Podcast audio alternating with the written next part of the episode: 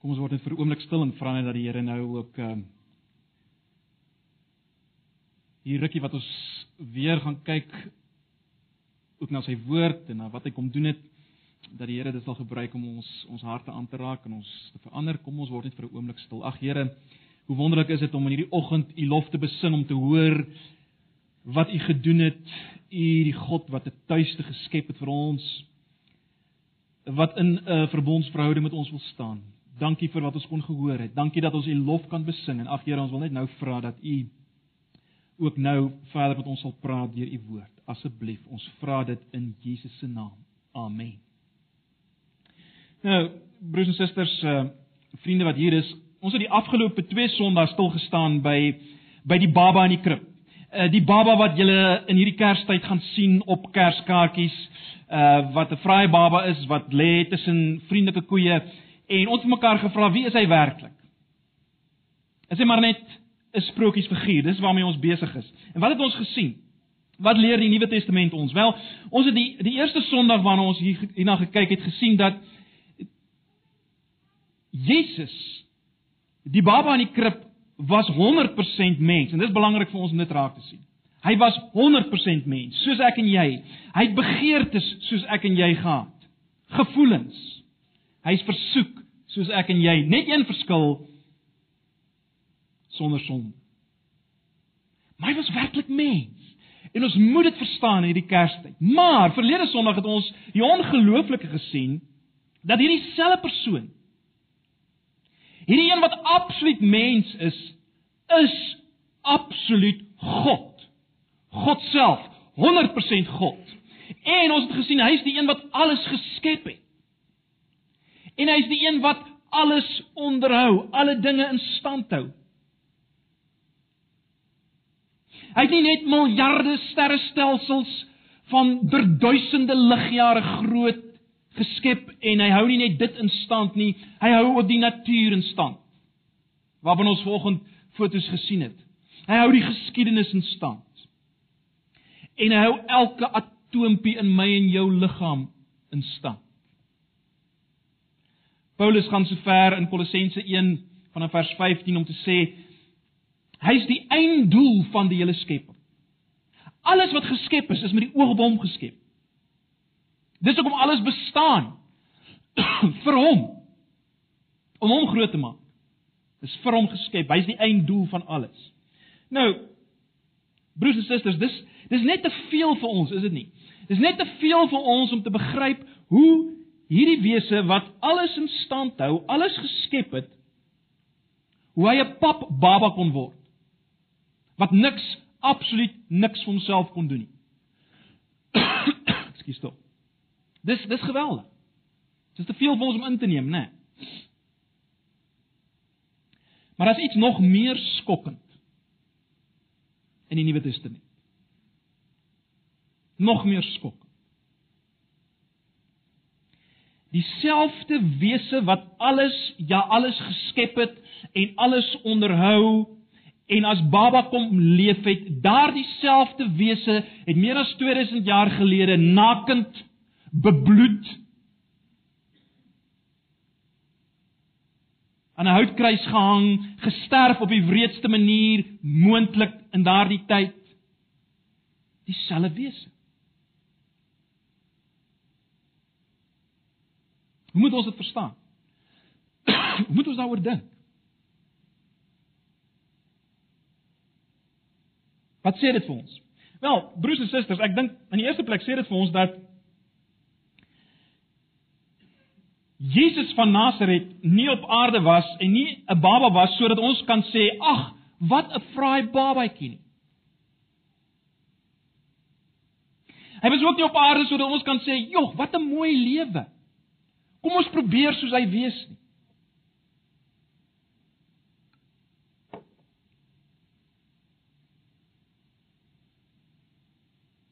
Wat sê dit vir ons as hy bebloed hang aan 'n kruis buite Jerusalem. Wel, broers en susters, dit sê vir ons hierdie een wat God was, het vir 'n ander rede mens geword.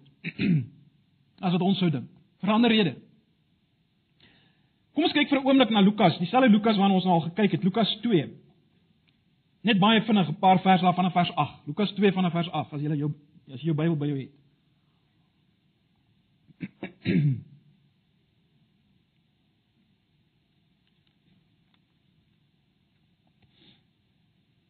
Baie bekende gedeelte, né? Vers 8: Daar was skaapwagters in daardie omgewing wat in die oop veld gebly het en in die nag oor hulle skape wag gehou het. Met een staan daar 'n engel van die Here by hulle. Hierdie engel waarvan ons vanoggend gehoor het. En die glans van die heerlikheid van die Here het rondom hulle geskyn. Hulle het baie groot geskrik. Toe sê die engel vir hulle: Moenie bang wees nie, want kyk, ek bring vir julle goeie tyding van groot blydskap. Wat vir die hele volk bestem is vandag is daar vir julle in die stad van Dawid die verlosser gebore Christus die Here. Geweldig wat hier gebeur, né? Mens kan amper sê 'n bietjie van die heerlikheid van die hemel, net 'n klein bietjie van die heerlikheid van die hemel. Het hierdie herders verskrik toe hulle iets van hierdie heerlikheid van die hemel sien. Hulle was bang. En dan sê die engel vir hulle moenie bang wees nie. Hoekom moet hulle nie bang wees nie? Wel, hy sê hy bring vir hulle goeie nuus, 'n goeie boodskap. Wat is die goeie nuus?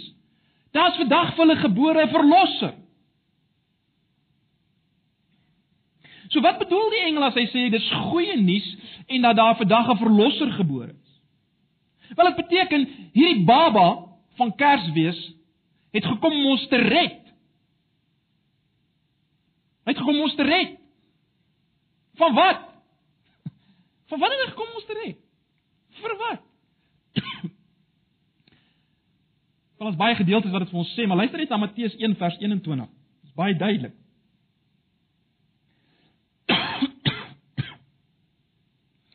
Ons lees en sy sal 'n seun baar en jy moet hom Jesus noem want is hy wat sy volk van hulle sondes sal verlos. Dis hy wat sy volk van hulle sondes sal verlos.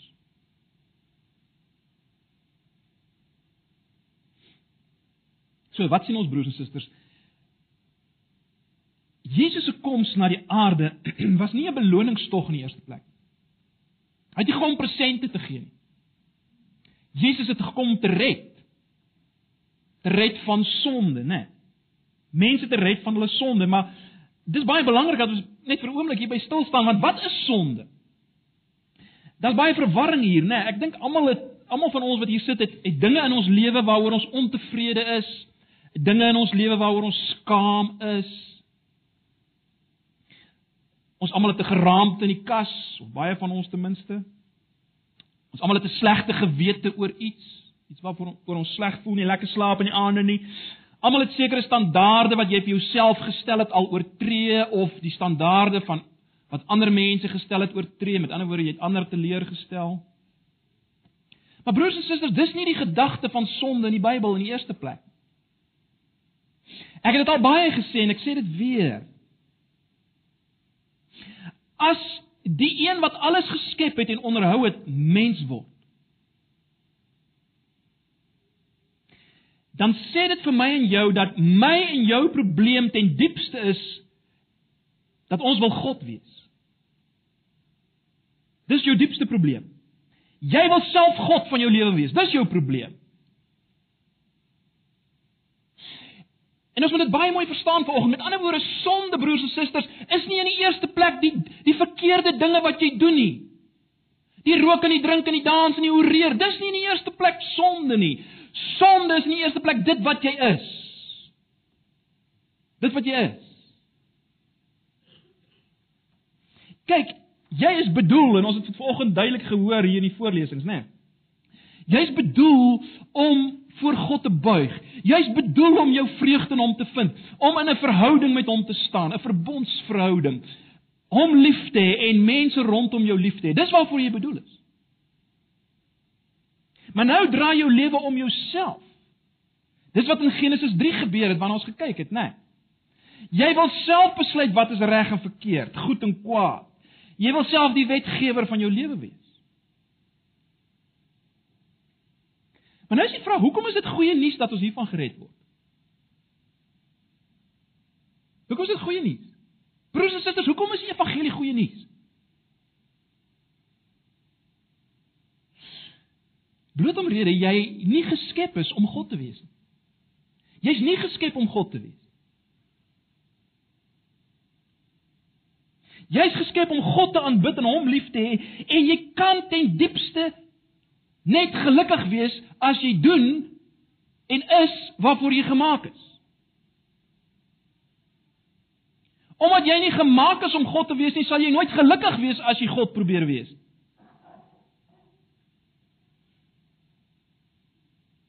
In die taal wat ons vanoggend gehoor het, dit lei tot haweloosheid, tot rigtingloosheid, tot hartseer en uiteindelik 'n dood in die finale sin van die van die woord. Dis 'n lewe van slawerny.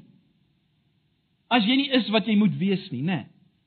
Jy dink jy's vry as jy hierdie lewe leef. Jy dink jy kan maak wat jy wil, maar jy's 'n slaaf, sê die Bybel, 'n slaaf van sonde en van die wêreld, van die duiwel. 'n Slaaf. Jy's net vry, broers en susters, as jy is dit waarvoor jy gemaak is. Net dan is jy vry. En en nou is dit so dat alles wat ons doen, ek en jy as mense wat nie voor God buig nie. Alles wat ons doen as mense wat nie voor God buig nie. Alles wat jy doen wat nie gehoorsaamheid is aan hom en sy woord en sy standaarde nie. Dit alles is sonde. Alles wat jy doen as mens wat nie voor hom buig is sonde. En dis wat ek en jy rondom ons gaan sien hierdie Kerstyd. Ons gaan alles sien wat nie is soos dit moet wees nie as ek dit so kan stel. Dit wat ons rondom ons gaan sien hierdie Kerstyd is nie soos dit moet wees nie. Dit wat ons gehoor het vanoggend van hoe dit moet wees. Alles wat jy gaan sien.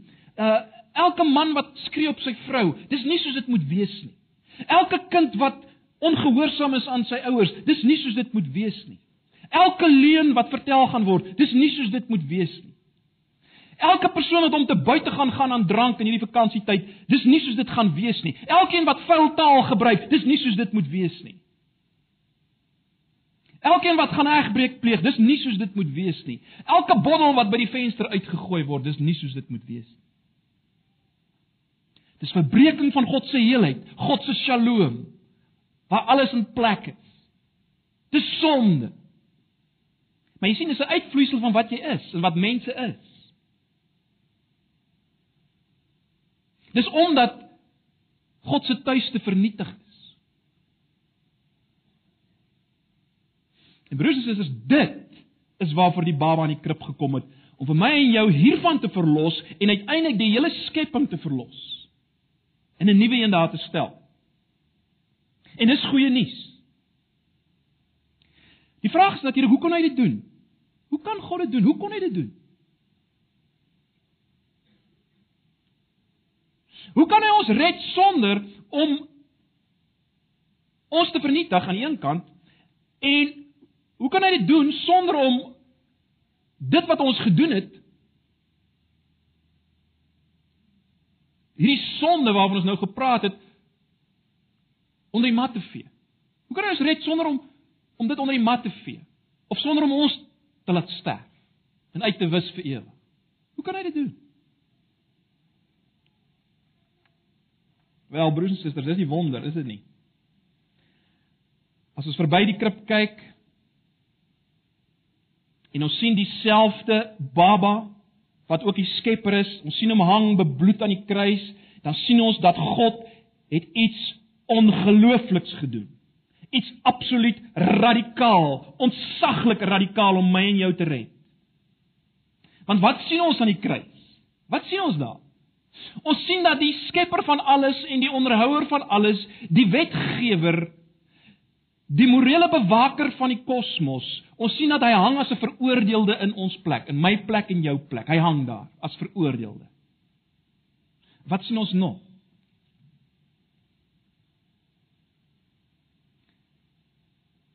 As Jesus sterf, wat sien ons?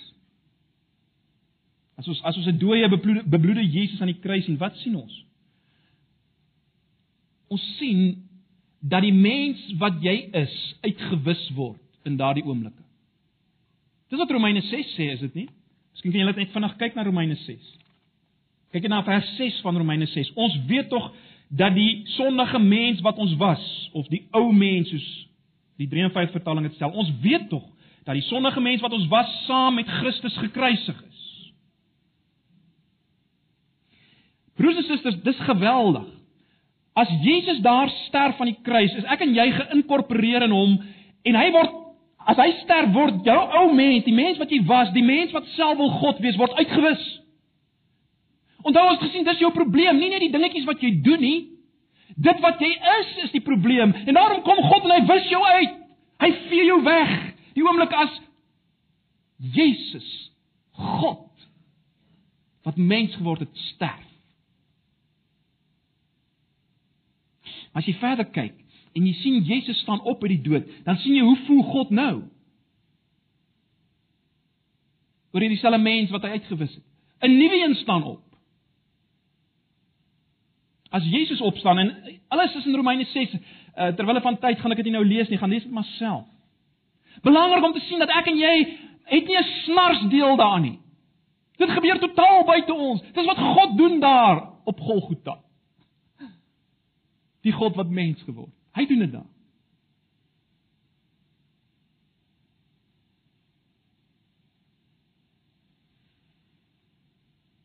As Jesus opstaan, staan 'n nuwe mens op en God sien jou in daardie lig. Een wat uitgewis het, die, die uitgewis is die een wat jy was, 'n nuwe een het opgestaan toe Jesus opstaan. Dis wat Romeine 6 sê. Want want broers en susters, sy naam, Jesus se naam beteken die Here red. Nie die Here kan red nie. Nie die Here sal red as jy saamwerk nie, die Here red. Dit is volbring sê hy op Golgotha. Hy het 'n volkomme werk gedoen. Dit was suksesvol. Daar op Golgotha het iets ontsagliks gebeur. Geweldige verlossing het plaasgevind. Kolossense 1 vers 19 stel dit so: God het besluit om met sy volle wese in hom te woon. Dis waarna ons verlede Sondag gekyk het.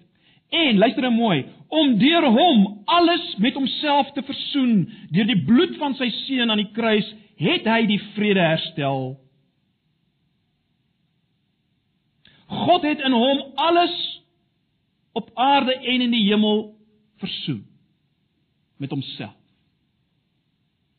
Dis wat staan in Kolossense 1 vers 19 en 20. God het dit gedoen. Hy het dit bewerk. 2 Korintiërs 5 vers 6 5 eh, vers 15 sê omdat ons van oordeel is dat as een vir almal gesterf het, het almal gesterf.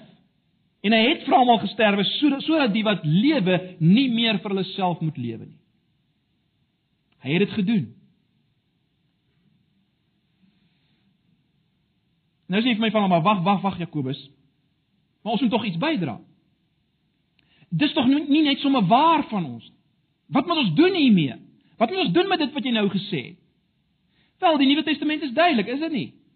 Jy moet dit glo. Jy moet dit glo. Dis al wat jy kan doen daarmee. As ek vir julle sê vanoggend, ek gaan vir elkeen van julle 'n 5 miljoen rand Kersgeskenk gee. Ek sê dit vir julle. Wat kan julle daarmee doen? Jy kan my net glo my op my woord neem of dit verwerp. Dis al wat jy kan doen daarmee. Wat kan ons doen met dit wat God sê hy het gedoen in Christus Jesus vir ons? Wat kan ons daarmee doen? Ons kan hom net op sy woord neem. Ons kan dit net vat. Jy sien geloof is nie iets wat ons bydra aan die broer en suster. Dis nie iets wat ons kom doen en as ek goed genoeg glo dan nee. Geloof is juis om nie goed te wees nie. Om te sê ek kan niks doen nie, ek kyk net na hom, ek vat hom net op sy woord. Of die beeld van die lewensredder, né? Wat red my? Die boei wat ek maar net die boei wat aan my uitgegooi word deur die lewensredder. Ek moet hom maar net vashou. Al is dit bewend en swak. Maar hy red my. Hy red my. Dis geloof. Vat hom op sy woord. Omhels die redder.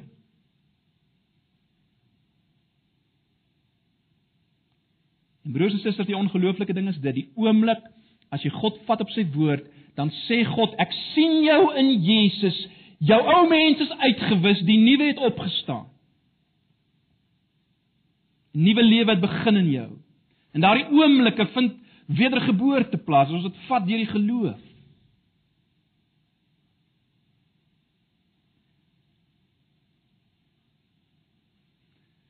Die baba in die krib is 'n sterwende verlosser. Sterwend sodat ek en jy kan lewe, broers en susters, lewe met 'n hoofletter, lewe in 'n verhouding met God en 'n verhouding met mekaar, verbondsverhouding as jy wil. En dis waarvoor jy gemaak is. Dis wat hy kom doen het.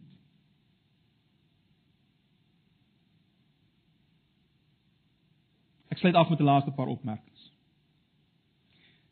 Gaan jy in hierdie Kerstyd as 'n geredde mens in? Of gaan jy hierdie Kerstyd in as 'n mens wat nog leef vir jouself en dus teen God? Wat gaan jy hierdie Kerstyd in as iemand wat nog God is van jou eie lewe? Of een wie se lewe draai om God? Dis die vraag wat jy jouself moet afvra. Wat is jou drome hierdie Kerstyd of vir hierdie Kerstyd? Wat is jou ideale?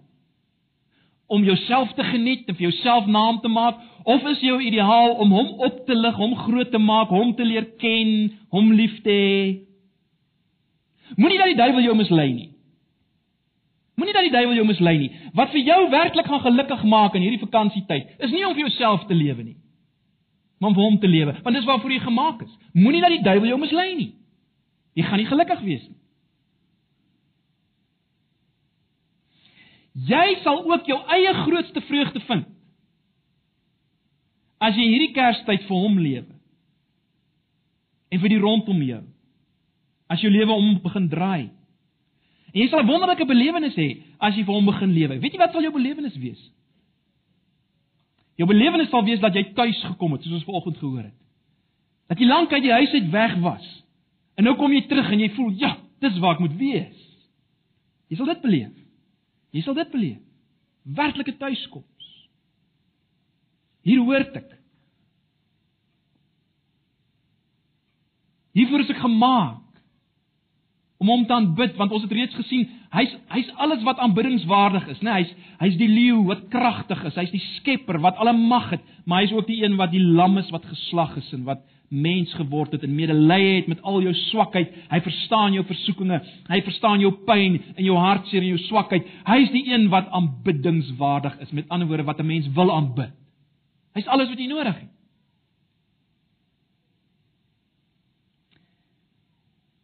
Ek sluit af. Jesus is God se laaste woord. Dit lees ons in Hebreërs 1 vers 1, is dit nie? Jesus is God se laaste woord aan die wêreld. Jesus is God se laaste woord aan elkeen van ons. En as jy daardie woord verwerp, wat bly oor? Wat is die groot sonde? Nou. Wel Johannes 16 vers 9 maak dit baie duidelik. As jy nie in Jesus glo, dan is daar geen hoop vir jou meer nie. Want dit is God se laaste woord. Dis die laaste ding wat hy wil sê. Ag, sal jy nie antwoord op hierdie laaste woord nie. Dis my gebed dat elkeen van ons werklik sal antwoord. Verstaan dit. Al die losbandigheid wat jy hierdie vakansietyd gaan sien, al die immoraliteit, al die dronkenskap, dit alles is niks in vergelyking met die verwerping van God se laaste woord nie. Niks. Moenie sy laaste woord verwerp. Omhels hom gryp hom aan. Waar staan jy hierdie Kerstyd? Maak dit uit met die Here. Waar staan jy hierdie Kerstyd? Want dit is uiters belangrik, want waar jy nou staan met hom bepaal waar jy uiteindelik die res van alle ewigheid gaan deurbring. Ons gaan nou iets daarvan hoor, van dit waarna toe God op pad is. En dit kan deel wees van jou toekoms. As jy maar net aanvaar, ontvang dit wat God in Jesus gedoen het. Ag en mag hierdie Kerstyd, mag elke Kerskaartjie ons herinner aan hierdie groter waarheid. Amen.